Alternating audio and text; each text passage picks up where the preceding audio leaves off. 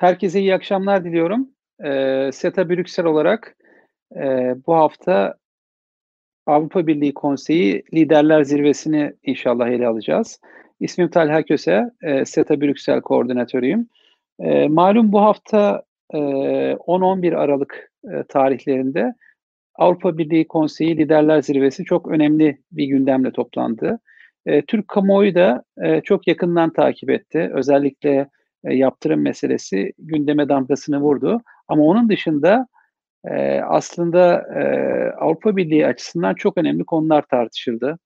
Eee, Türk kamuoyu ağırlıklı olarak eee, bu meseleye biraz yaptırım bağlamında e, yaklaşmış olsa da eee, Avrupa Birliği'nin özellikle COVID-19 sonrası eee, yeniden yapılanma bütçesi, 7 yıllık bütçe, eee, karbon emisyonu ve iklim meselesiyle ilgili eee, konular, eee, dış politika konuları, bütçeyle ilgili eee, konular, ya bir sürü eee, aslında önemli konu eee, bu toplantıda tartışıldı, ele alındı. Eee, Brexit de eee, o konulardan bir tanesiydi. Eee, bugün eee, çok önemli iki tane konuğumuz var. Eee, Sakarya Üniversitesi eee, öğretim üyesi Profesör Doktor eee, Kemal İnat, aynı zamanda eee, SETA Enerji Çalışmaları eee, Direktörü kendisi. İkinci konuğumuz da eee, Güldener Son- Sonumut, eee, NTV Brüksel temsilcisi. Eee, Brüksel'deki ve Avrupa siyasetini 20 yıla yakındır eee, çok yakından eee, takip ediyor. Eee, aynı zamanda Doğuş grubunun da eee, yayın grubu temsilcisi. Eee, Milliyet'te de köşe yazarı. Kendileri eee, bu süreci de çok yakından takip ettiler. Eee, Türk kamuoyuna da oradaki gelişmeleri aktardılar. Eee, bu akşam eee, bu zirvenin genel hatlarıyla eee, bir değerlendirmesini yapacağız. Tabii ki eee, Türkiye'de eee, bu konulardan biri olacak ama eee, bugünkü tartışmamızı Türkiye tamamen Türkiye odaklı yapmayacağız. Eee, giriş eee, konuşmalarından sonra sizlerin sorularını da eee, ele alacağız. Ben eee, ilk konuşmayı eee, Sayın eee, Güldener Sonumut'a eee, veriyorum. Eee, kendisi genel olarak bu zirveyi ve bunun ne anlam ifade ettiğini genel hatlarıyla değerlendirecek. Teşekkür ediyorum. Buyurun. Çok teşekkür ederim. SETA'ya da çok teşekkür ederim. Size de Talha Bey bu fırsatı verdiğiniz için ve e, Avrupa Birliği konusunu sadece AB Türkiye ekseninden değil çok daha geniş bir şekilde, küresel bir şekilde bütün konuları ele alınmış olan konuların hepsini değerlendirerek veya değerlendirme fırsatını verdiğiniz için çünkü maalesef Türkiye'de on, e, hakikaten basında da e, sadece AB Türkiye ilişkileri ele alınıyor. Diğer önemli konular ele alınmıyor. Zirvede e, konu başlıklarının başında kuşkusuz Covid vardı. E, 2020 yılı Avrupa Birliği için de Covid gündemiyle hakikaten e, oluşturuldu ve burada da Covid konusunda aşıların AB üye bütün ülkelere ne şekilde dağıtılması gerektiği konusu, bunun finansmanıyla ilgili olarak bir e, tartışma yaşandı ve bu konuda görüş ayrılıkları vardı. Yani ulusal düzeyde mi ülkeler bunun dağıtımını gerçekleştirmeye gerekiyor yoksa bunun finansmanı yani dağıtımın da finansmanı ve lojistik desteğin de AB tarafından mı verilmesi gerekiyor diye bu konuda Almanya Başbakanı Angela Merkel bunun AB tarafından yani Avrupa Birliği kurumları tarafından komisyon, konsey ve ilgili yetkililer tarafından hayata geçirilmesi gerektiği konusunda AB içerisinde mutabakatı sağladı. İkinci önemli e, konu başlığı o da çok çekişmeli geçti.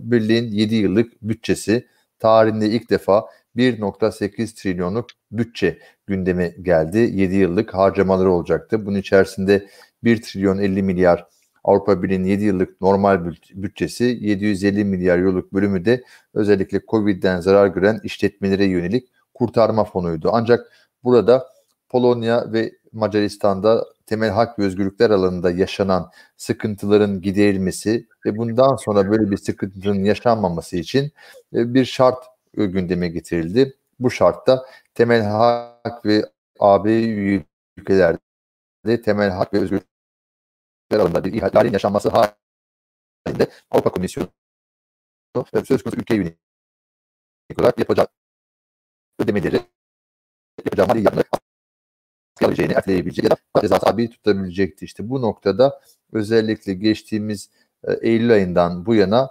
Macaristan ve Polonya bu hususu karşı geldiler. ve bu yüzden de herhangi bir şekilde bu konuda bir mutabakat sağlanamamıştı.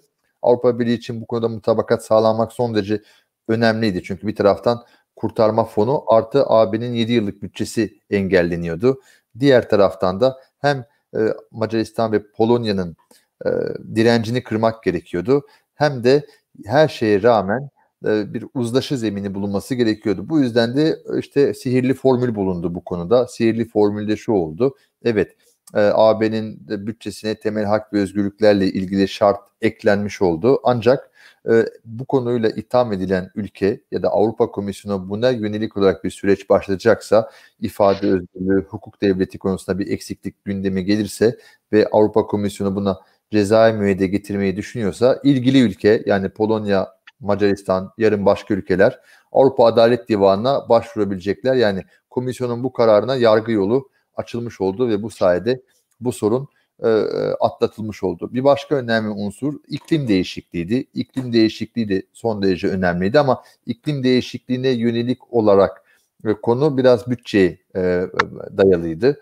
Bütçedeki görüş ayrılıkları giderildikten sonra e, iklim değişikliği ile ilgili olarak da e, çalışma biraz daha basitleşti. Burada da da iki tane derin görüş aslında üç tane derin görüş ayrılığı vardı. Bunlardan bir tanesi iklim değişikliğiyle mücadele e, için özellikle sera e, etkisi yaratan gazların e, azaltılması, azaltılmasına yönelik olarak oran önemliydi ve tarih önemliydi. Bu konuda oran ve tarih konusunda bir görüş birliğine varıldı. Avrupa Par Parlamentosu oranın %60 oranında azaltılmasını talep ediyordu. Hem karbondioksit hem de sera etkisi yaratan gaz salınımları ve e, 2030 yılı konusunda bir mutabakat vardı. Ancak AB üye ülkeler biraz da Avrupa Parlamentosu Başkanı'na ikna ederek önce bu oranın 60'tan 55'e indirilmesi, hedef tarih yine 200 2030 o konuda bir sıkıntı yoktu. Ancak Macaristan olsun, Çek Cumhuriyeti olsun, Baltik ülkeler olsun, Polonya ya da Macaristan gibi hatta Bulgaristan ve Romanya gibi ülkeler yani halen özellikle kömür kullanan, e, karbon salınımı çok yüksek olan ülkeler buna prensipte uzun süre itiraz ettiler. İtirazları da şu yöndeydi. Biz ülke olarak e, kaynağımız yetersiz, işte taksonomiye, iklim değişikliğine yönelik olarak karbon salınımını azaltacak yatırımlar yapmak amacıyla mali kaynaklarımız kısıtlı. Bu yüzden de bize çevre bütçesinden daha fazla bir pay ayrılması yönünde uzun bir pazarlık yapıldı. Ancak o pazarlık Almanya'nın desteğiyle, Fransa'nın da anlayışlı davranışıyla yine bir çözüme ulaşmış oldu ve bu sayede hem taksonomi yani e, yeşil e, iklim değişikliğinin finansmanı konusunda bir mutabakat sağlandı e, ve 2022 yılından itibaren e, kademeli olarak bu alanda bir adım atılacak. İkinci önemli mesele ve o da çok çok önemli e, işte bu karbon salınımı konusunda sağlanan mutabakat. Üçüncü e, önemli mesele ise taksonominin içerisinde Avrupa Birliği artık özellikle sera e, etkisi yüksek olan e, üretimleri ve karbon salınımı nötr olmayan ürünlerin AB pazarına girişini ya zorlaştıracak ya vergiye tabi tutacak ya da yasaklayacak. Bu sayede hem kendi pazarını çevre gerekçeleriyle korumuş olacak Çin gibi ve başka ülkelerden korumuş olacak hem de AB içerisinde çevreye e, daha riayet eden e, üretimi teşvik etmiş olacak ve üretimin Avrupa Birliği tarafından yapılması gerekecek. Bu yüzden de Türkiye açısından da son derece önemli bu konu. Neden? Çünkü Türkiye'nin Avrupa Birliği bir gümrük birliği anlaşması var. Çin'den tedarik zinciri yavaş yavaş batıya doğru kayıyor. Türkiye eğer 2030'dan sonra e, Avrupa Birliği'ne ihracatını devam ettirmek istiyor ise o takdirde mutlaka bu taksonomi, e, iklim değişikliğine yönelik politikalar ve karbon nötr ürünlere yönelik olarak üretimini bu şekilde planlaması lazım. Bu da son derece önemli çünkü katma değeri yüksek ürünler olmuş oluyor ki bu Türkiye'nin ihracatı açısından son derece önemli. Ardından gündeme e, transatlantik ilişkiler geldi. Transatlantik ilişkiler konusunda Almanya ile Fransa arasında bir görüş ayrılığı yaşanıyordu. Bilindiği üzere Almanya Savunma Bakanı AKK'nın Politico dergisinde Ekim ayında bir açıklaması vardı. Burada da özellikle Avrupa kıtasının güvenliği Almanya açısından NATO'dan geçtiğini savunmuştu ve Almanya e, uluslararası güvenliğini NATO üzerinden ABD ile birlikte tesis etmeyi hedefliyordu. Fransa Cumhurbaşkanı Emmanuel Macron ise bu konuda e, Avrupa İngiltere'nin Avrupa Birliği'nden ayrılmasının ardından e, artık Fransa'nın da nükleer gücünü, nükleer şemsiyesini Almanya'nın hizmetine sunabileceğini ve Avrupa Birliği'nin stratejik otonomisi için Avrupa Birliği'nin kendi askeri başta olmak üzere imkan ve yeteneklerini geliştirmesi gerektiğini düşünüyordu. Ve bu konuda önemli bir e, Ekim ayında 3 makale, Kasım ayında da 4 makaleyle bir derin görüş ayrılığı yaşandı. Ancak Angela Merkel bu tartışmalara son noktayı koydu.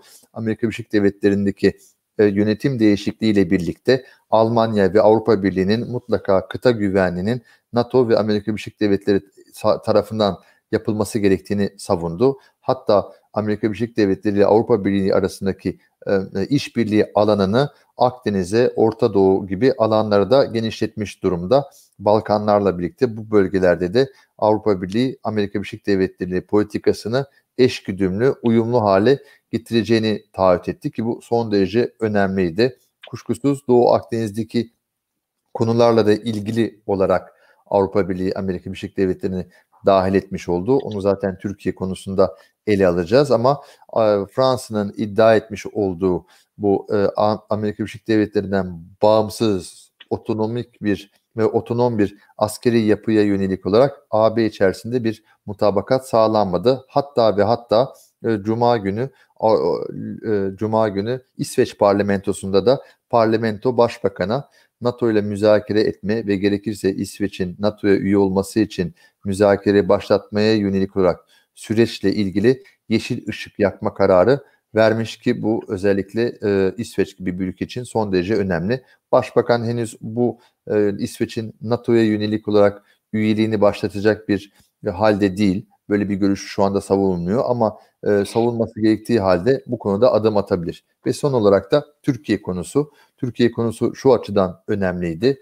E, evet bir taraftan e, Yunanistan ve Rum kesimin Türkiye'ye yönelik olarak ısrarlı yaptırım talebi vardı. Birinci mesele bu. İkinci mesele e, Avrupa Birliği Türkiye e, ilişkilerin geleceğin ele alınması hususuydu ve üçüncü e, meselede hani e, Avrupa Birliği ile Türkiye arasında yaşanacak olan krizin etkileri ve AB içerisindeki güç dengeleri. Bu noktada e, Türkiye'nin yapmış olduğu diplomatik girişimler, başta Cumhurbaşkanı olmak üzere e, Dışişleri Bakanı, Türkiye'nin AB üye ülkelerdeki daimi temsilcilikleri, büyükelçiliklerin yapmış olduğu girişim sayesinde e, ve Türkiye'nin de zaman zaman stratejik ya da taktik olarak yapmış olduğu hatalara rağmen Avrupa Birliği e, Türkiye'ye yönelik olarak yaptırım kararı almadı. Bu Almanya Başbakanı Angela Merkel'in, Bulgaristan Başbakanı Boyko Borisov'un, Macaristan, Polonya ve e, süre içerisinde son e, 15 günden bu yana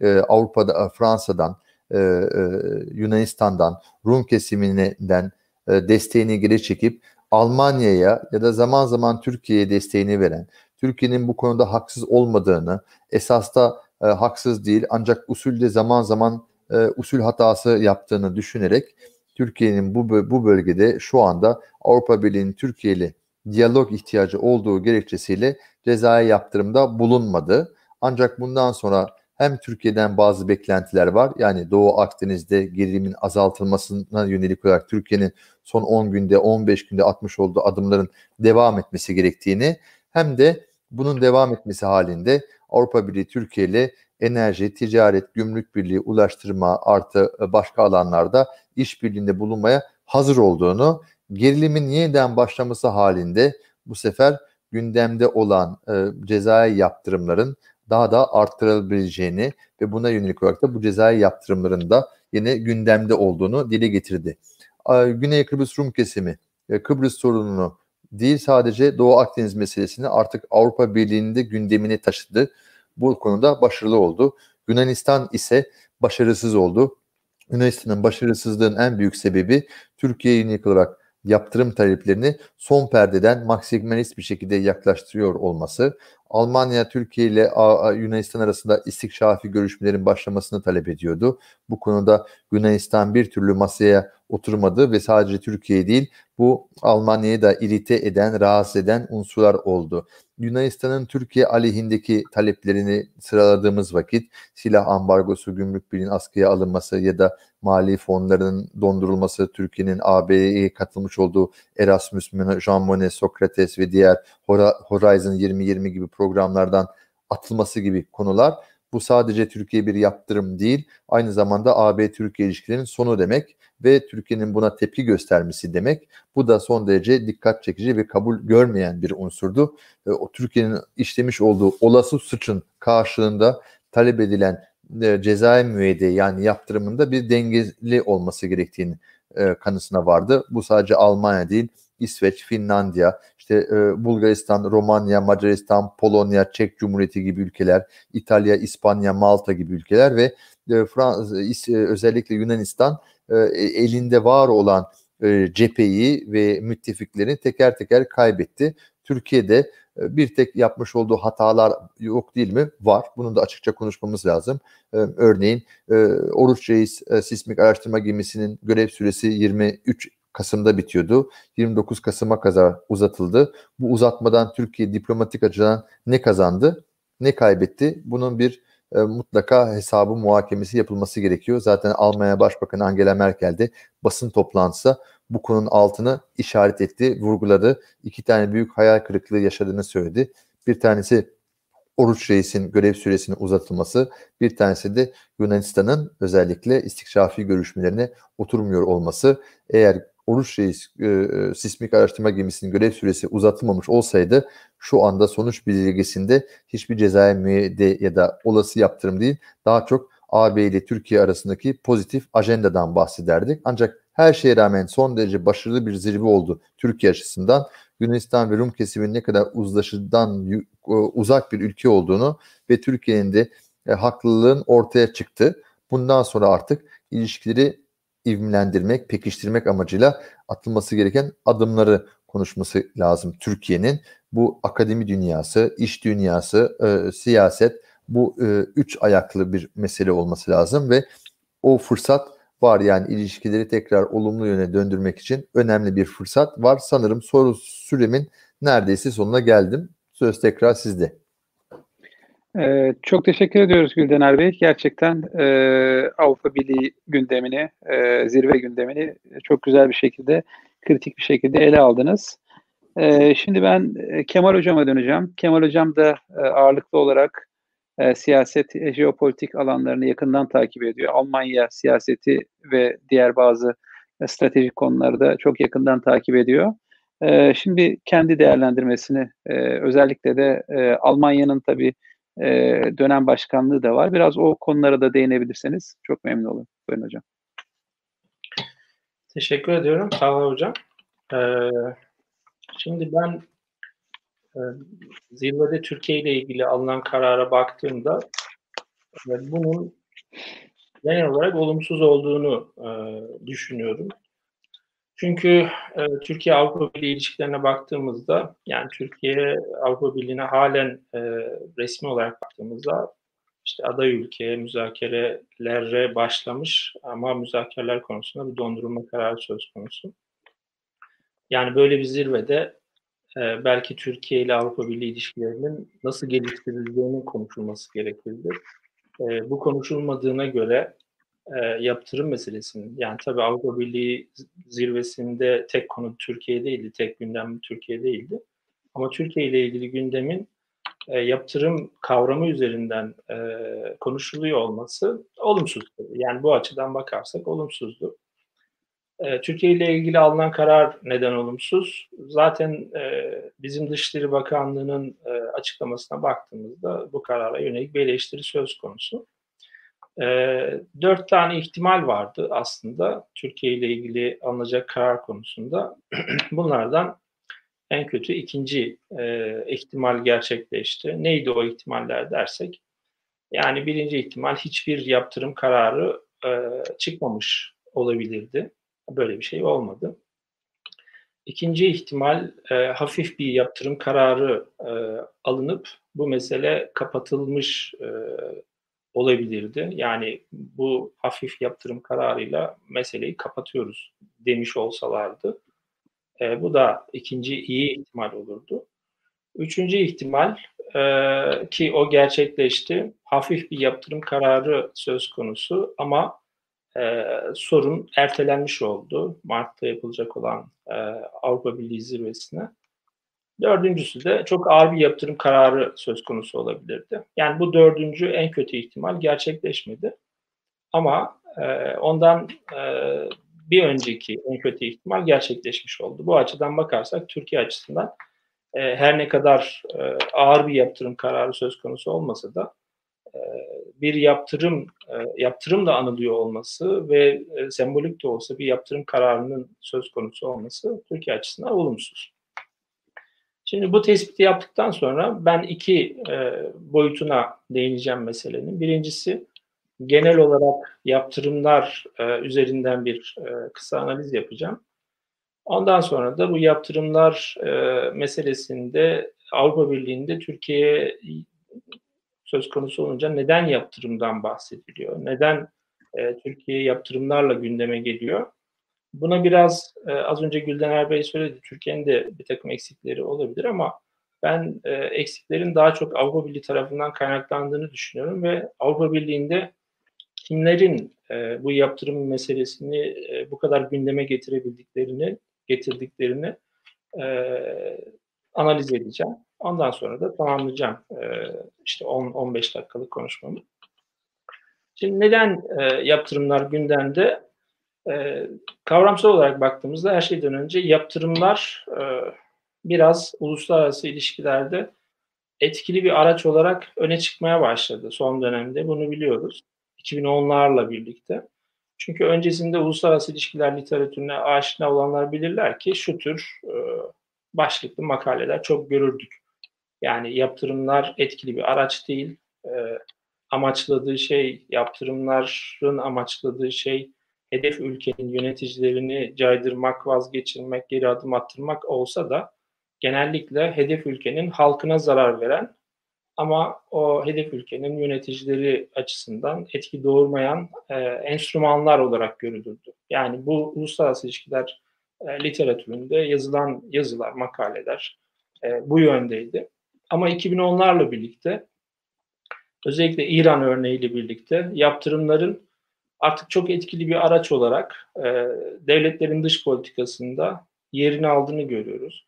Tabii bütün devletlerin değil. Yani yaptırımların etkili bir araç olarak kullanılabilmesi için e, güçlü bir ekonomik ve e, özellikle ekonomik ama zaman zaman askeri, diplomatik yapı da ona ek olarak e, olmak zorunda ama özellikle güçlü bir ekonomik yapıya sahip olmak gerekiyor. E, Amerika Birleşik Devletleri'nin İran'a karşı yaptırımlarının tırnak içerisinde başarılı yani o hedeflerine Amerika Birleşik Devletleri'nin hedeflerine ulaşma konusunda başarılı bir örnek olarak öne çıktığını görüyoruz. Yani 2011-13 arasında sadece Amerikan yaptırımları değildi tabii. Yani önce Birleşmiş Milletler e, Güvenlik Konseyi'nin 2010'da kararı söz konusuydu. Sonra Amerika Birleşik Devletleri ve Avrupa Birliği'nin tek taraflı yaptırımları söz konusuydu İran'a karşı. Ve bunlar başarılı oldu. Yani o hedef İran'ı masaya oturtma konusunda ve nükleer anlaşmanın imzalanması konusunda başarılı oldu. Daha sonradan bu yaptırımların hukuksuz olarak yeniden e, Trump tarafından devreye sokulması onun da başarılı olduğunu, İran'ı sıkıştırdığını görüyoruz. Yani e, Amerikan Hazine Bakanlığı'nın bu konuda e, bir sözünü hatırlarsak yaptırımların nasıl etkili bir araç olarak kullanıldığını e, görebiliriz. E, yaptırımları e, bir tür e, askeri araçlara alternatif olarak e, devreye soktuklarını, yani askeri araç kullanmak istemediklerinde yaptırımları e, bir alternatif olarak devreye soktuklarını söylüyor ve bunu başarılı bir şekilde uyguladıklarını söylüyor. Bu anlamda bakarsak yaptırımlar aslında e, bir tür silah, silaha dönüşmüş durumda. Yani güçlü ekonomiye sahip olan ülkeler açısından etkili bir silaha dönüşmüş durumda. Avrupa Birliği de e, yaptırımları bir araç olarak giderek daha fazla kullanma arzusu içerisinde. Nitekim Türkiye'ye karşı yaptırımlar e, bu e, zirvede ilk defa gündeme gelmedi. E, geçen yıl ve bu senenin işte Şubat ayında Türkiye ile ilgili yaptırımlar söz konusu. Geçen yıl işte mesela Avrupa Birliği yardımlarının azaltılması kararı söz konusu. Bu da bir ekonomik yaptırım sonuçta. bu yılda Şubat ayında Türkiye Petrolleri Anonim Ortaklığı'nın üst düzey iki yöneticisine yönelik mal varlığının dondurulması ve seyahat yasayla ilgili bir yaptırım kararı söz konusu. Şimdi söz konusu olan da zaten bunun biraz daha genişletilmesi yönünde.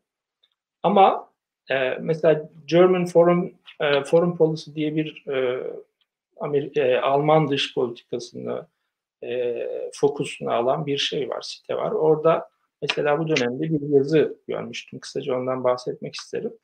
E, bu küresel Magnitsky, Magnitsky e, yasasına benzer bir şekilde Avrupalıların da bir e, yaptırım yasası hazırlığı içerisinde olduklarını ve az önce söylediğim ya, yaptırımların daha da genişletilmesi. Yani e, başka ülkelere yani buradaki bu sitedeki tespit üzerinden söylersek insan hakları gerekçesiyle yani görünürde insan hakları gerekçesiyle ancak fiili olarak baktığımızda güç o küresel güç politikasında bir araç olarak e, yaptırımların Avrupa Birliği'nin dış politikasında daha fazla öne çıkması yönünde ciddi girişimler söz konusu.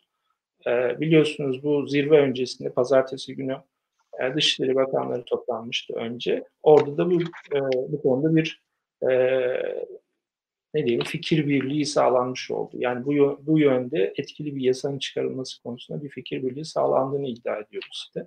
Biraz eleştirel Alman dış politikasına yönelik bu e, bahsettiğim site ama e, bu tür haberler giderek çoğalıyor. Şimdi yaptırımlar konusunda genel olarak böyle bir e, eğilim var. Yaptırımlar dış politikada etkili, etkili bir araç olarak kullanılmaya başlandı. Avrupa Birliği de yaptırımları etkili bir araç olarak kullanmak istiyor. Kullanma yönünde bir irade söz konusu.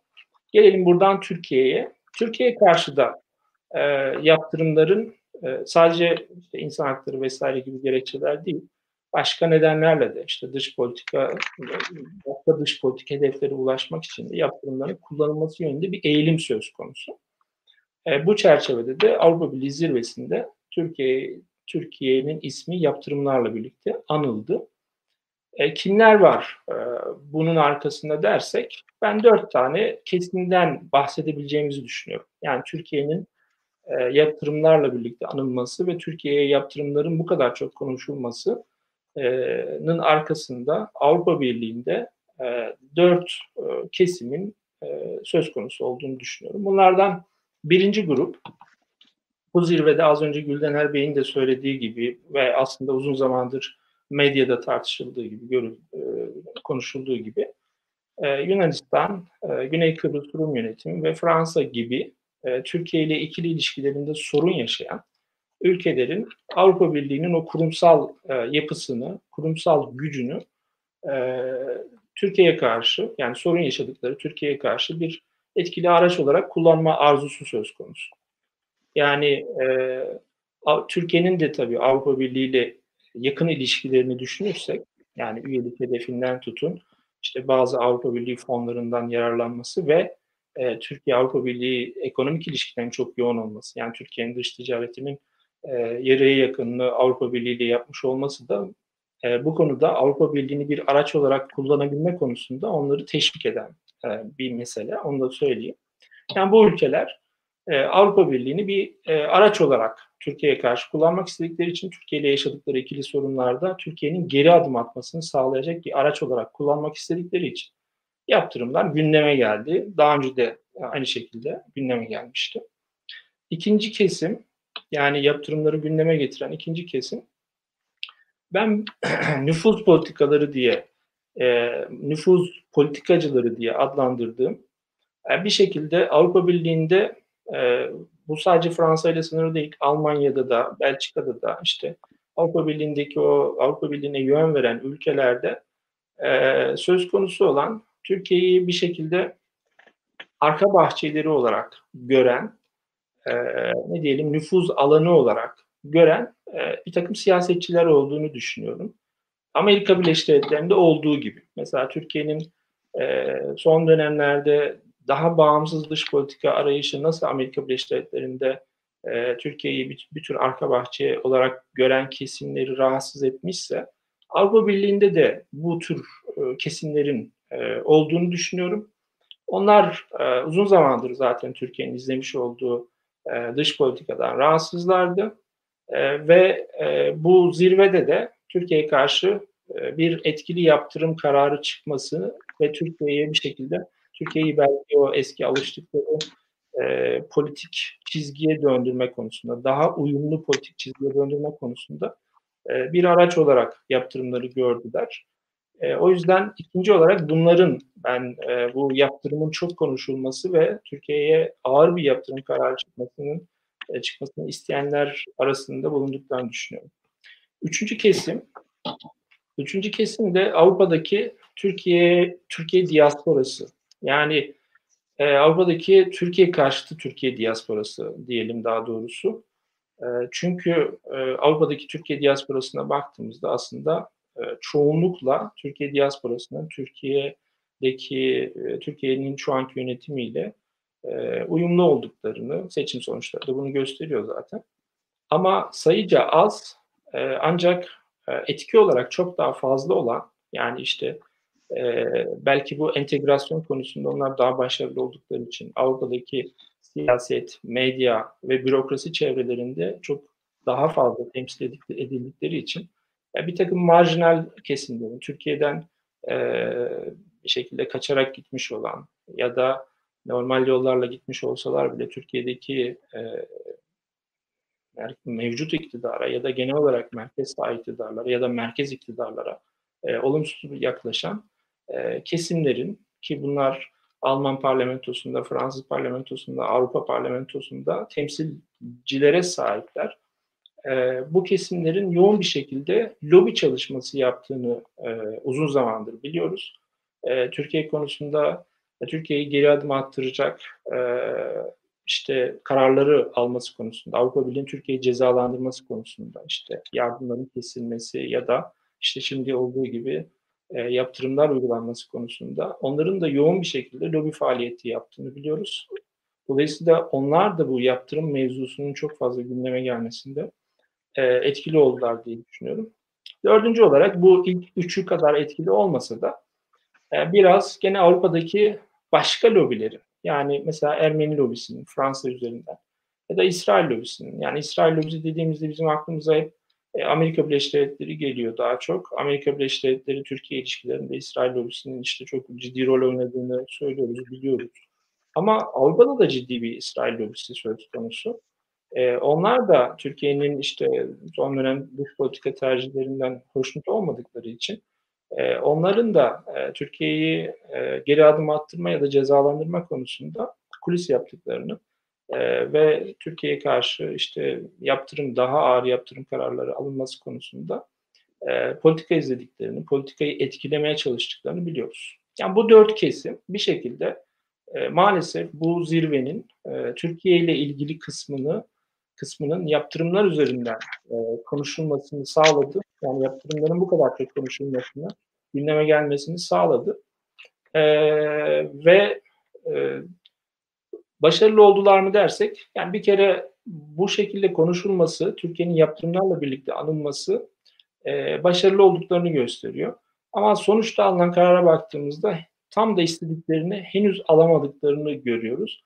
E, ama bundan sonra da e, vazgeçmeyeceklerini, bir sonraki zirvede de e, yeniden yaptırımların gündeme gelmesini e, sağlamaya çalışacaklarını, yani bu yöndeki çabalarını sona erdirmeyeceklerini biliyoruz. Yani onu yapacaklar. Dolayısıyla sorun biraz ertelenmiş oldu. Şu anda yaptırım kararı alınmamış olması Avrupa Birliği'ndeki bir başka kesimin belki başarısı olarak söylenebilir. O da Avrupa Birliği'nde Türkiye-Avrupa Birliği ilişkilerinin daha rasyonel bir düzlemde seyretmesini e, isteyen ve bunun Avrupa Birliği'nin çıkarları, Avrupa ülkelerinin çıkarları doğrultusunda olduğunu gören kesimler de söz konusu. Bir şekilde onlar belki ağırlığını koydular ya da bu yaptırımlar konusunda işte oy birliğiyle yani bütün üye ülkelerin e, ortak karar alması gerektiği için bazı ülkelerin yani yine az önce Gülden Bey'in söylediği gibi Türkiye'nin yürüttüğü diplomatik e, faaliyetlerle e, ve Türkiye ile e, epeydir iyi ilişkileri sahip olan bazı ülkelerin de karşı çıkmasıyla e, ağır bir yaptırım kararı çıkması e, engellenmiş oldu. Ama bu sorun ortadan kalkmadı. Az önce söylediğim gibi bir sonraki zirvede yeniden bu sonu, sorun gündeme gelecek.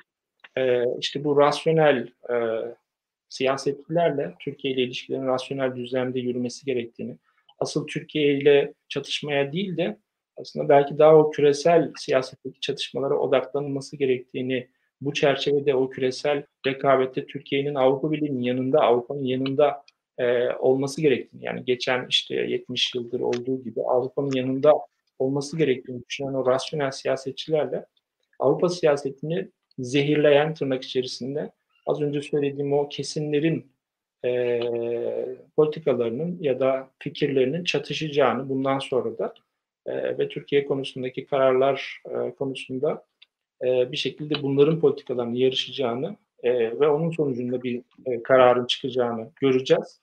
E, benim temennim tabii e, Avrupa'da e, daha rasyonel düşünen, e, o Avrupa siyasetinin, Türkiye siyaset, Avrupa'nın Türkiye siyasetinin rasyonel düzlemde gelişmesini isteyen kesimlerin öne çıkması ve bu bahsettiğim e, olumsuz etkileyen, Türkiye-Avrupa ilişkilerini zehirleyen e, kesimlerin e, arka planda kalmasını sağlamaları yönündedir.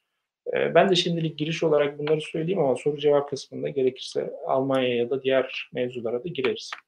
Teşekkür ediyorum. Çok teşekkür ediyorum e, Kemal Hocam. E, ben e, tabii programımızı bir saat 10 dakika civarında sürede e, kapatmayı planlıyoruz. E, o açıdan hemen e, hızlıca sorulara geçmek istiyorum. E, ilk iki sorumu Güldener Bey'e e, yöneltmek istiyorum. Şimdi e, tabii zirveden iki gün önce e, Yunan Mitsotakis şöyle bir açıklamada bulundu. Yani biz aslında kendi meselemizi yani Doğu Akdeniz'de Türkiye ile yaşadığımız sorunları e, birliğin meselesi haline getirerek e, bu konuda bir e, aşamaya ulaştık.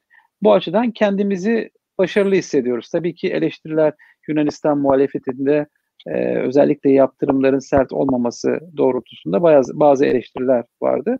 Bu konuda gerçekten e, Türkiye ile yaşanan kriz e, birliğin krizi haline gelebildi mi? Yani yoksa tam tersi etki eden ülkeler oldu mu? Yani genel hissiyat e, bu e, Yunan Başbakanı'nın yaklaşımını yansıtıyor mu? Siz ne düşünüyorsunuz bu konuda? Yunanistan'ın amacı buydu doğru. Yani Mitsotakis ondan sonra stratejik olarak e, kötü bir tahminde bulundu. E, çünkü her şeyin ondan yana olacağını düşünerek e, stratejisini açıkladı. Ancak sonuç bildirgesine baktığımız vakit kendisi o amaca ulaşamadı. Çünkü Türkiye ile Yunanistan, bu tabii Yunanistan'ın ve Mitsotakis'in ilk girişimi değil. Bundan önce Yunanistan 95 yılında Gümrük Birliği Anlaşması imzalanırken ardından 2002'de, 2004'te, 2008'de, 2011'de zaman zaman bu e, yönde çabaları olmadı değil. Yani Türkiye ile var olan ikili sorunlarını Ege, kıta sahanlığı gibi e, konuları e, AB platformuna taşıma çabası oldu ancak başarılı olamadı ve bu zirvede de yine başarılı olamadı. Çünkü hem sonuç bildirgesinde çok açık net bir şekilde Yunanistan ve Türkiye arasında var olan kıta sahanlığı sorununu, Ege sorununun ikili düzeyde diyalog çerçevesinde çözülmesi gerektiğini şayet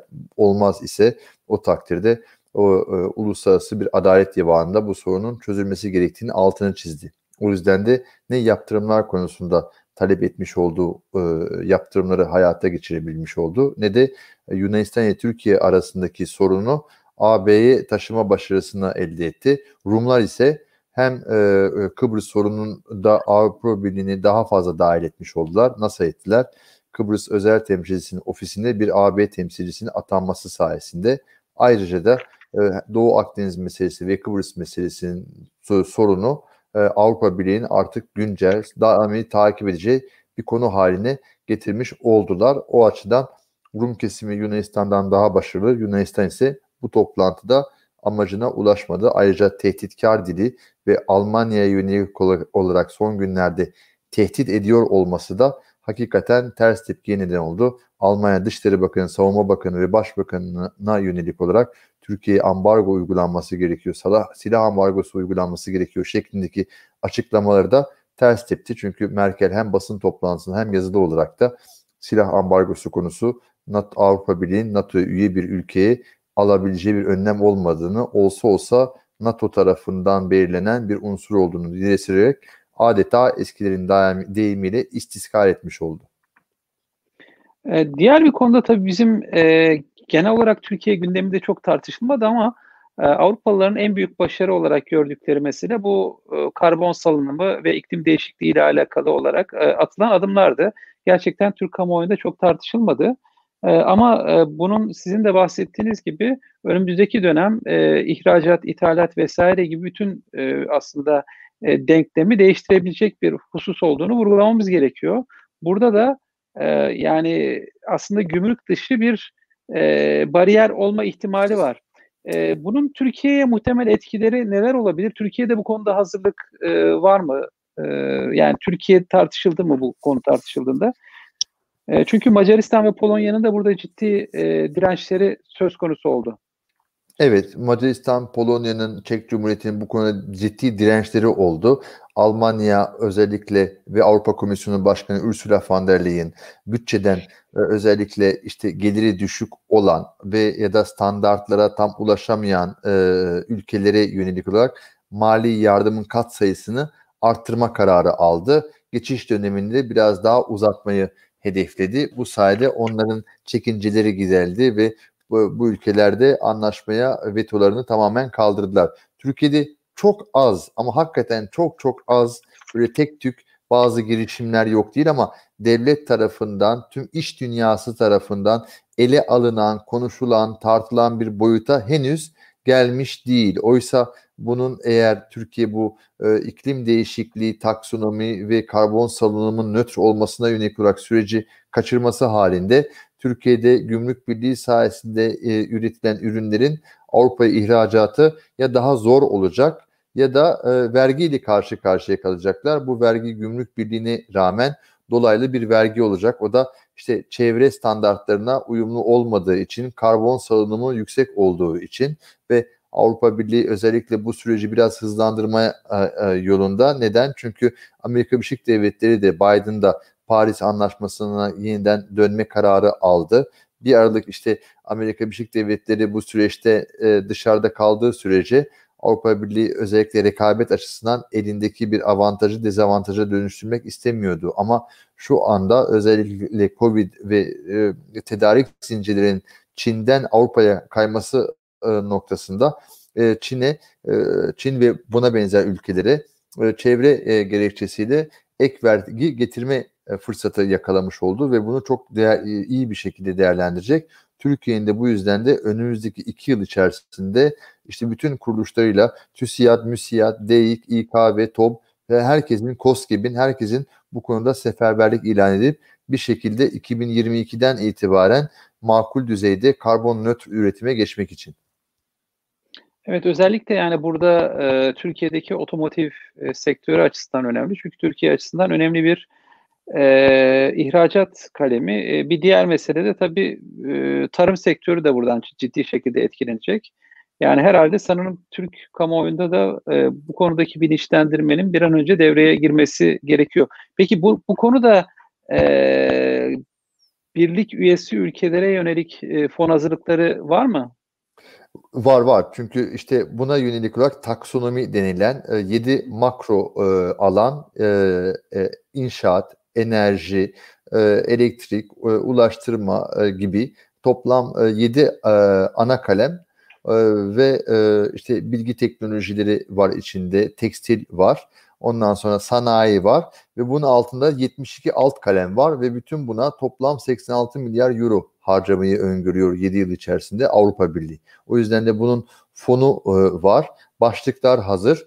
Buna yönelik olarak dönüşüm e, işte yavaş yavaş başlıyor. Bu yüzden de eskiden biliyorsunuz ISO 9000, 9001, 9002 vardı. Ardından işte satın almış olduğunuz ürün içerisindeki dönüştürülmüş ürün oranına bakılıyordu. Artık bundan sonra almış olduğunuz ürün araba olsun, tekstil olsun, gıda olsun hakikaten karbon açısından nötr mü değil mi buna bakılacak. Bu yüzden de sizin çok güzel altını çizdiğiniz tarım açısından inşaat malzemesi, otomotiv, enerji, sanayi ürünleri konusunda bu son derece önemli. İşte bu treni hakikaten kaçırmamak gerekiyor. Çünkü bu treni kaçırdığımız andan itibaren bunu finanse edecek, bunu tekrar hayata geçirebilecek imkanımız çok çok kısıtlı olur ve kaybedeceğimiz mali gelir ondan sonra bunu yeniden yakalamak için finansmanını telafi etmeyeceği gibi Buradan yakalanacak olan ivme işte cari açığından düşünün, katma değeri yüksek ürünlerin ihracatı açısından düşünün,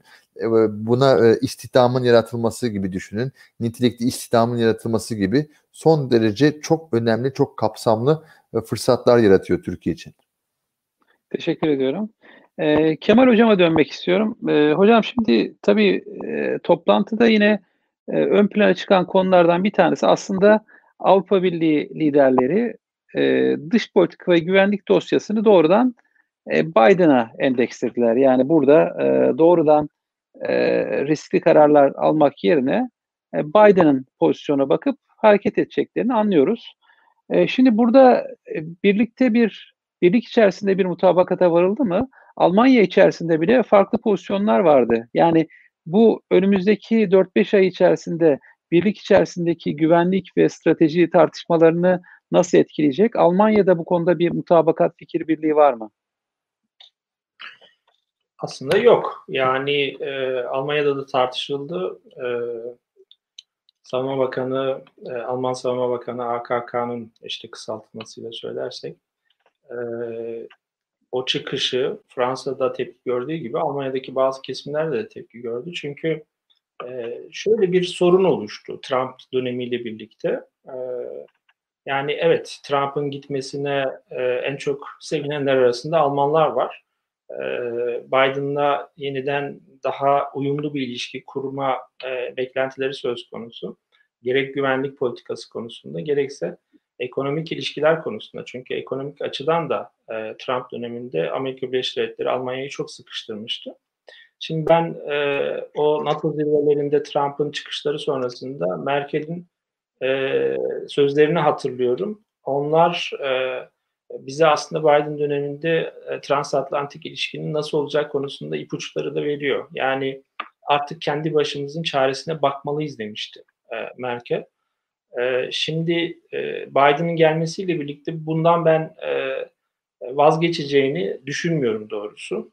Her ne kadar Savunma Bakanı işte NATO'nun önemini ve Amerika Birleşik Devletleri'nin Avrupa savunmasında işte başat aktör olması, temel aktör olması gerektiğini söylese de e, biz biliyoruz ki Soğuk Savaş'ın sonundan itibaren e, Avrupa'da ciddi şekilde NATO'ya alternatif girişimler söz konusu oldu ve Almanya belli dönemlerde bunun içerisinde yer aldı. Yani Fransa ile birlikte içerisinde yer aldı. Mesela Schröder döneminde özellikle bu alanda e, ciddi adımlar atıldı. E, bir işte Avrupa ordusunun kurulmasının kararlaştırılması gibi Avrupa güvenlik savunma, savunma politikasındaki ilerlemeleri e, düşünürsek e, ben Trump döneminde yaşanan o şokun Amerika Birleşik Devletleri karşısında oluşan güvensizliğin biraz kalıcı olacağını düşünüyorum. Her ne kadar Biden'la birlikte rahatlamış olsalar da soruda söylediğiniz şeye katılıyorum. Yani bazı dış politika konularında belki Biden bekleyecekler ve Biden'la Biden Amerikası ile birlikte kararlar alacaklar. E, ama bu şu anlama gelmeyecektir. Tekrar eskiye dönüş anlamına gelmeyecektir. Zaten bunu işte Alman e, siyasetindeki tartışmalarda gösteriyor. Birçok sorunda e, eskiye dönüş beklemiyorlar aslında. Mesela başta e, bu Kuzey Yakın 2 e, sorununda olduğu gibi birçok meselede eskiye dönüş beklemiyorlar. Biden döneminde de çünkü Biden'ın Rusya politikasını, e, Rusya konusundaki tasavvurunu düşünürsek aslında e, Rusya ile işbirliği konusunda Biden'ın da e, Almanya'yı sıkıştıracağını e, görüyoruz, görürüz. E, dolayısıyla e, eskiye dönüş beklemiyorlar. E, Fransa ile orada bir aslında ikilemleri söz konusu Almanların. E, bir taraftan Fransa ile e, çünkü Macron'un bu yönde sistemleri ve eleştirileri söz konusu. Zaten Alman Savunma Bakanı ile girdiği polemik de oydu. Yani Macron e, Trump dönemiyle birlikte ki bu sadece Trump dönemiyle de alakalı değil. Fransa geleneksel olarak biliyoruz ki alternatif bir Avrupa güvenlik mimarisi konusunda daha istekli bir ülke. E, o Fransa'nın geleneğinde olan bir şey sonuçta. Macron'la birlikte ya da Fransa ile birlikte e, o yoldan yürümeli mi? Yani Avrupa'ya özgü bir güvenlik mimarisi oluşturma yolunda yürümeli mi? Yoksa e, işte o küresel riskleri artan işte çünkü Çin'in de Avrupa'ya daha fazla adım attığını özellikle Güney ve Doğu Avrupa ülkelerinde daha fazla aktivitelere sahip olduğunu görüyoruz. Ee, Rusya'yı da gene birlikte düşünebiliriz. Yani bu küresel e, riskleri düşünerek e, Avrupa'ya özgü bir adım atmak yerine ya da Avrupa'ya özgü bir güvenlik mimarisi arayışında olmak yerine yeniden Biden'la birlikte transatlantik ilişkiyi temel e, Avrupa güvenlik mimarisinin temeli olarak görme konusunda bence çok ciddi bir ikilemleri söz konusu Al- Almanların. E, bu da tartışılıyor.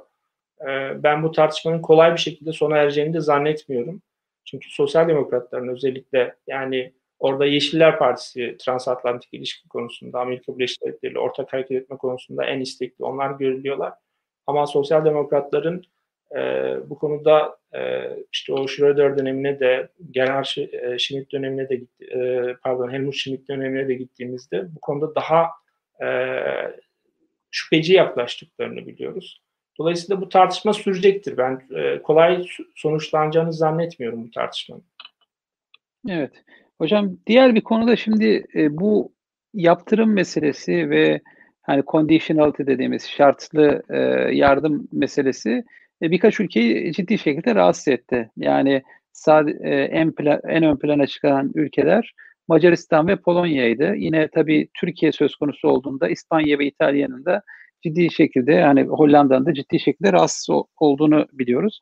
Şimdi bugün hani Türkiye için e, alınan Türkiye bağlamında tartışılan konuların diğer ülkeleri etkileme ihtimali nedir? Ve diğer bir konu da e, tabii ki bu bağlamda bir ayrışma yaşandı. Yani bir ortada olan ülkeler vardı. Bir yandan da işte e, tam karşıtı olan ülkeler e, ortaya çıktı. Yani biz yakından takip ettiğimiz kadarıyla e, işte Macaristan, e, İtalya, e, Hollanda gibi ülkeler bu konuda e, doğrudan olmasa bile dolaylı şekillerde e, yaptırımın karşısında oldular. Yani bütün bu tartışma kendi içerisinde belli kırılganlıklar getirecek mi e, birliğe? Bir de tabii bu e, yani yeni şartların ortaya konulması e, nasıl bir tepki verecek? Yani e, bu yarın öbür gün Fransa'yı da etkileyebilir mi? Çünkü tam e, birliğin e, toplandığı hafta e, Sisi'yi karşıladı ve silah satışları konusunda yaptırım getirmeyeceklerini, herhangi bir şekilde kısıtlama getirmeyeceklerini e, söylediler. Bu biraz Heiko Maas'ın söyleminde değiştirdi. Yani bu bütün şartlar yani Avrupa Birliği en nihayetinde bir normlar ve kurumlar e, üzerinden oluşan bir birlik. Bunları nasıl etkileyecek bütün bu e, tutarsızlıklar? Yani Avrupa Birliği'nin aslında az önce ben yaptırımlarla ilgili giriş yaparken e, Amerika Birleşik Devletleri'ne göre Avrupa Birliği'nin en büyük dezavantajı işte e, tek bir devlet olmaması. Yani e, tek sesle konuşamaması. Diğer bir avantajı da ekonomik yaptırımlar konusunda Amerika Birleşik Devletleri kadar ekonomik açıdan güçlü olmaması. Yani bu aracı kullanamamasıydı. Yani yaptırım deyince aslında Avrupa Birliği'nin bu konudaki politikasını e, politikasına muhatap olan ülkeleri üçe ayırabiliriz aslında bence. Birisi Avrupa Birliği üyesi olan ülkeler. İşte bu son zirvede de çok konuşuldu. Sizin de söylediğiniz gibi Macaristan ve Polonya gibi ülkeler ama başka ülkeler de başka konularda gündeme gelmişti. Mesela mülteci kabulüyle ilgili Visegrad e, ülkeleri diye bir grup oluşmuştu. Avrupa Birliği üyesi ülkeleri zorlamak yani e, onları işte bütçe kesintileri gibi şeyler e, öne sürerek itaate zorlamak ya da onların onlara göre mesela Macaristan ve Polonya bunu doğrudan iç işlerine müdahale olarak görüyorlar. Birinci grup Avrupa Birliği üyesi olan ülkeler. İkinci grup da Türkiye gibi Avrupa Birliği ile yakın ilişkisi olan ülkeler. İşte az önce söylediğim gibi e, aday ülke olan, müzakerelere başlamış, her ne kadar müzakere, müzakere süreci işlemese de e, Avrupa Birliği ile resmi olarak bu tür bir ilişkisi olan ülkeler. E, üçüncü grupta e, tam da soruda söylediğiniz işte Mısır gibi ülkeler. Aslında baktığımızda mesela Macaristan ve Polonya'nın en çok itiraz ettiği o e, konudaki temel sorun neydi? Ee, Avrupa Birliği, Macaristan ve Polonya'nın hukuk devleti e, ilkesi çerçevesinde e, bazı adımlarının e, sorun teşkil ettiğini söylüyor ve o adımları değiştirmesi gerektiğini söylüyor. Ve bu yüzden de onları cezalandıracağını söylüyor. Tabii burada söz konusu olan doğrudan onların cezalandırılması değil. Yani getirilecek olan düzenleme ile birlikte e, bu tür ülkelerin cezalandırılması Macaristan ve Polonya doğrudan üzerlerine alındılar tabii. Yani bu burada bizim iç işlerimize karışıl, karışılması için bir şey oluşturuluyor, bir altyapı oluşturuluyor diye düşündüler ve e, veto edeceklerini söylemişlerdi. Şimdi po, e, Macaristan Dışişleri Bakanı'nın açıklamalarına bakarsak işte zafer havasıyla konuşuyor, istediklerini gerçekleştirdiklerini söylüyor. E, büyük ölçüde istediklerini almışlar gibi görünüyor. E, Türkiye gibi ülkeler üzerindeki o müdahalecilik yani hepsini aslında yaptırım dediğimiz şeyi müdahalecilik üzerinden okumak gerekir. Türkiye gibi ülkeler üzerindeki müdahalecilik de az önce söylediğim gibi e, bir tür e, Türkiye'nin o Avrupa Birliği ile özel ilişkisini de hesaba katarak yani değişik açılardan özel hem ekonomik açıdan yoğun ilişkisini hem e, ne diyelim üyelik yolundaki ilişkisini hesaba katarak bir şekilde Türkiye'ye Türkiye siyasetine müdahale edebileceklerini düşünüyorlar. E, bu siyasetin müdahaleleri de Türkiye tarafından kabul görmeyince e, o zaman yaptırımları devreye sokabileceklerini düşünüyorlar. E, ama Mısır gibi ülkeler söz konusu olduğunda gene mesela insan hakları ve hukuk devleti ilkesi üzerinden baktığımızda çok ciddi sorunlar olmasına rağmen e, Mısır'da yaptırımların söz konusu olmadığını, e, burada çifte standart uygulandığını, e, mesela e, geçen yıl e, işte Şarm El Şeyh'te Avrupa Birliği Arap Ligi zirvesi vardı. E, aynı hafta içerisinde o zirvenin toplandığı Merkel'in de gittiği, Macron gitmemişti. O zirvenin olduğu hafta e, Mısır'da 9 tane genç e, bir şekilde illegal şekilde idam edilmişti. Yani e, gayri hukuki e, şekilde yani usulsüz yargılamalar sonucunda idam edilmişlerdi. Bu çerçevede bir tutarsızlık söz konusu. Bu tutarsızlık e, Avrupa Birliği içerisindeki e, çevreler tarafından da eleştirilen bir tutarsızlık. Yani bir taraftan e, Avrupa Birliği üyesi olan ülkelere bile e, hukuk devleti ilkesi gerekçe gösterilerek e, bu tür aşırı müdahaleler, yani onların bir şekilde kabullenmek istemedikleri müdahaleler söz konusu olurken e, öbür taraftan e, Mısır gibi ülkelerle geliştirilen ilişki, yani oradaki ilişkide de beklentisi Avrupa Birliği'nin gene insan hakları açısından çok eleştirilen bir ilişki. E, Merkel'in mesela şöyle bir sözünü hatırlıyorum ben. E, Mısır'ın başarısıyla gurur duyduklarını söylüyor. Hiçbir mülteci göndermeme konusunda. Yani mültecilere sınırları kapatma ve Avrupa'ya yasa dışı mülteci geçişini engelleme konusunda Mısır'ın çok başarılı olduğuna dair övgüler söz konusu. E, benzer şekilde Yunanistan'ın işte şimdi Ege Denizi'nde mültecileri nasıl e, geri püskürttüğünü, hangi hukuk dışı yolları kullanarak e, geri püskürttüğünü e, görüyoruz ve buna ilişkin ciddi bir tartışma var Avrupa Birliği içerisinde. Yani Avrupa'da e, gerek medyada gerek bazı siyasi çevrelerde bu ciddi şekilde eleştiriliyor. E, bu anlamda bunlar işte o Avrupa'nın e, ileriye dönük olarak tek sesle konuşacak bir birlik olmasının önündeki ciddi engellerden bir tanesi aslında. Yani bu müdahalecilik ama müdahale, müdahalecilikteki tutarsızlık. Yani e, farklı ülkelere farklı şekilde muamele edilmesi e, Avrupa Birliği'nin tek sesle konuşmasının önündeki ciddi engellerden bir tanesi bence. Teşekkür ederim hocam. Ee, Güldener Bey'e ben bir tekrar bir soru yöneltmek istiyorum. E, malum bu e, Covid-19'da mücadele konusunda Avrupa Birliği iyi bir e, imtihan veremedi. Yani kendi aralarındaki dayanışma konusunda ciddi kırılmalar yaşandı. E, koordinasyon sorunları oldu. Özellikle sizin bulunduğunuz ülke Belçika'da e, ciddi şekilde e, sıkıntılar yaşadı. Bununla ilgili bir öz eleştiri e, yapıldı mı? Yani bununla ilgili uzun vadede mücadeleye yönelik de ben çok fazla e, bir tartışma görmedim özellikle liderler e, zirvesinde. Yani Avrupa Birliği e, ülkeleri Covid'le mücadeleyi e, müstakil ülkelere mi bıraktı? E, yoksa daha kapsamlı bir mücadele yani bütçenin haricinde daha kapsamlı bir mücadele çerçevesi geliştirme konusunda adımlar var mı? İşte Avrupa Birliği'nin işte ekonomik birliği var, pazar birliği var, iç pazar var. İşte Schengen var ki ona sadece bazı ülkeler katılıyor. Diğerleri katılmıyor. Avrupa Ortak Para Birimi 18 ülke katılıyor. Bütün 27 ülke katılmıyor. E, sağlık konusu da aslında Avrupa Birliği'nin Lizbon Anlaşması'nın Avrupa Komisyonu'na ya da Avrupa Birliği Konseyi'ne ya da tüketicinin sağlığın güvenliği alanı dışında e, Avrupa Parlamentosu'na yetki veren bir mesele değil idi. Bu yüzden de hakikaten Avrupa Birliği bütün istihbarat raporlarında sadece işte NATO ya da üye ülkeler değil yani bu pandemi ya da buna benzer e, e, salgınların a, e, üye ülkeleri tehdit eder nitelikte olduğunu ve buna hazırlıksız oldukları ifade edildi. Belçika'da bu pandemi başlamadan bir yıl önce bir daha artık e, sivil savunmaya ihtiyaç duyulmayacak gerekçesiyle bir önceki e, başbakan şimdi Avrupa Birliği Konseyi Başkanı Charles Michel ülkede sivil savunmayı tamamen feshetti. O yüzden de örneğin pandemi e, meydana geldiği andan itibaren onunla mücadele edecek. İşte e, sağlık çalışanlarına, hastanelere ya da bakım evlerine malzeme, ilaç ulaştıracak insan personel pekala e, yoktur. Şimdi e, artık bu konuda da Avrupa Birliği'nin temel açıdan sağlık konularında da en azından tüm üye ülkelerde farklılığı gidermek için standart belirlenmesi gerektiği yönünde bir prensip kararı alındı. Bunun daha yasalaşması gerekiyor. Bu çok uzun sürecek.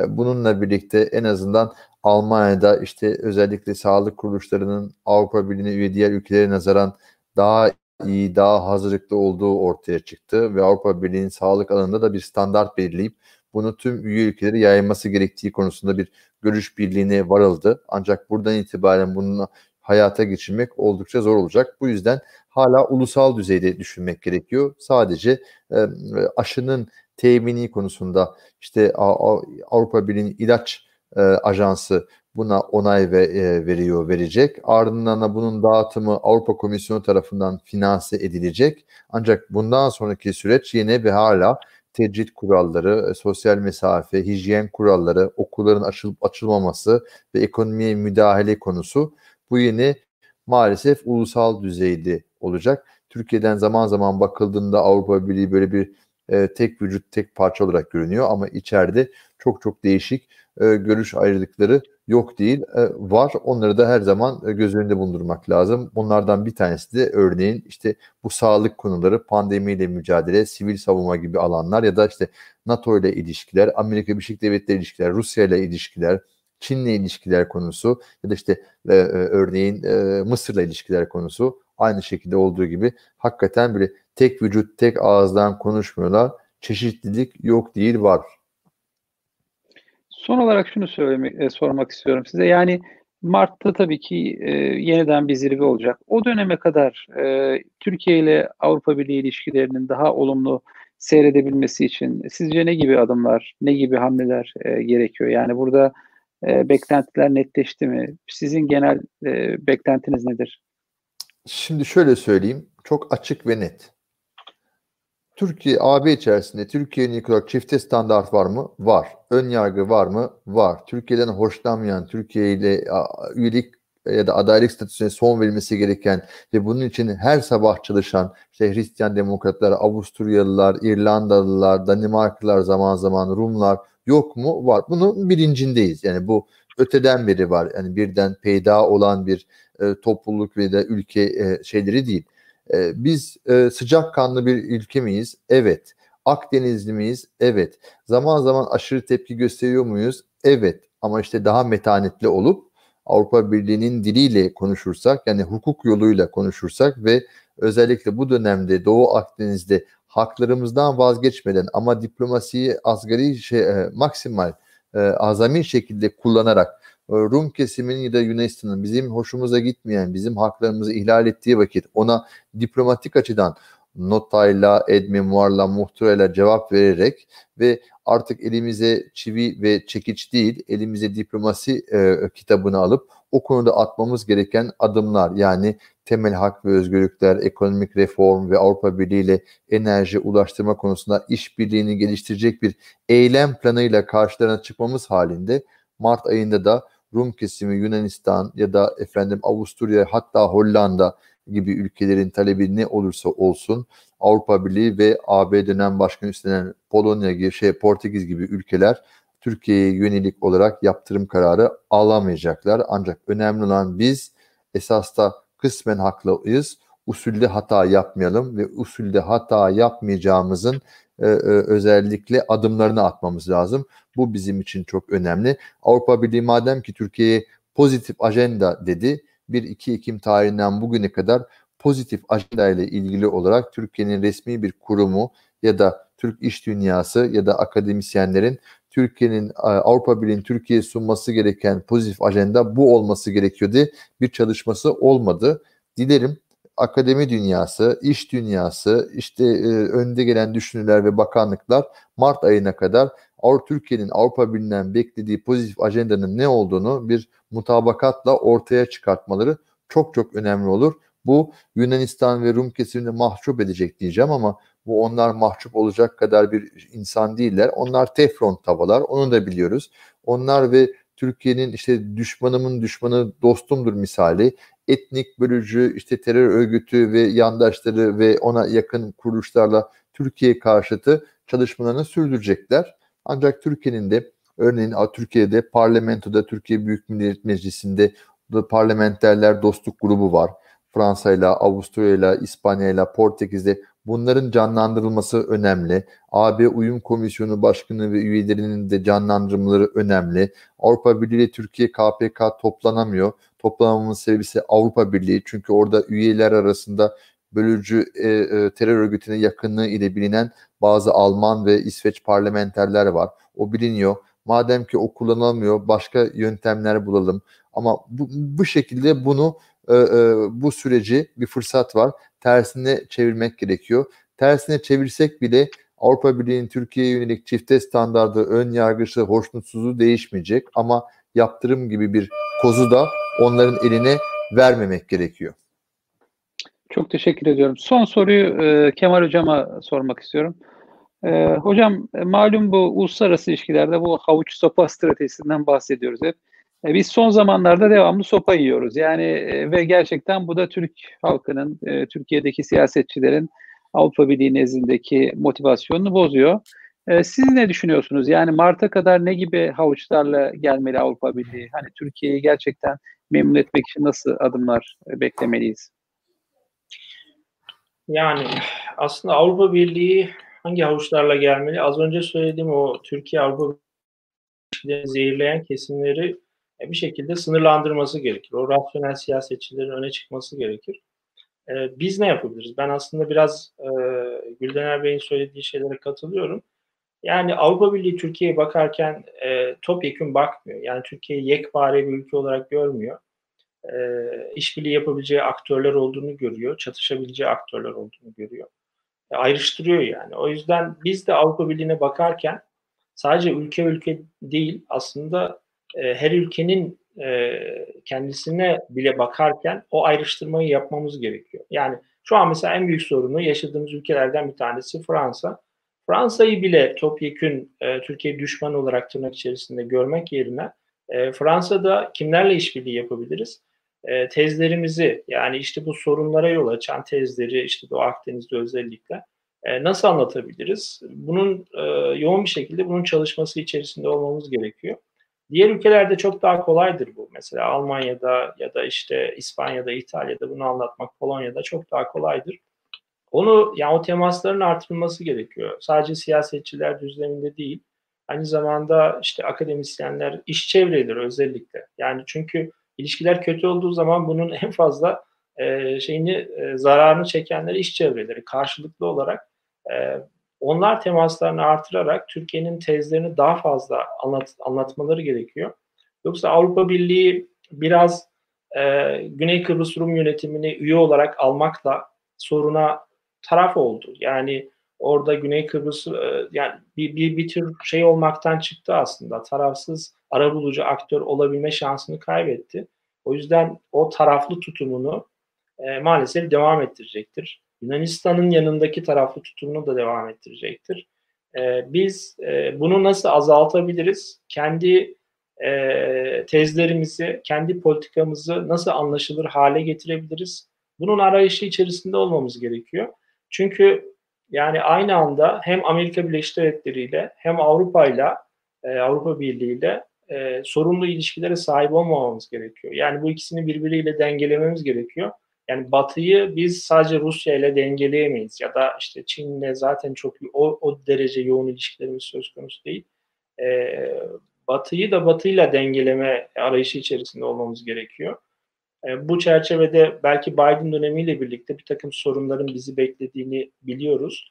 E, Avrupa Birliği'ni e, daha çok e, işbirliği yapabileceğimiz bir ortak olarak e, devreye sokmamız gerekir diye düşünüyorum.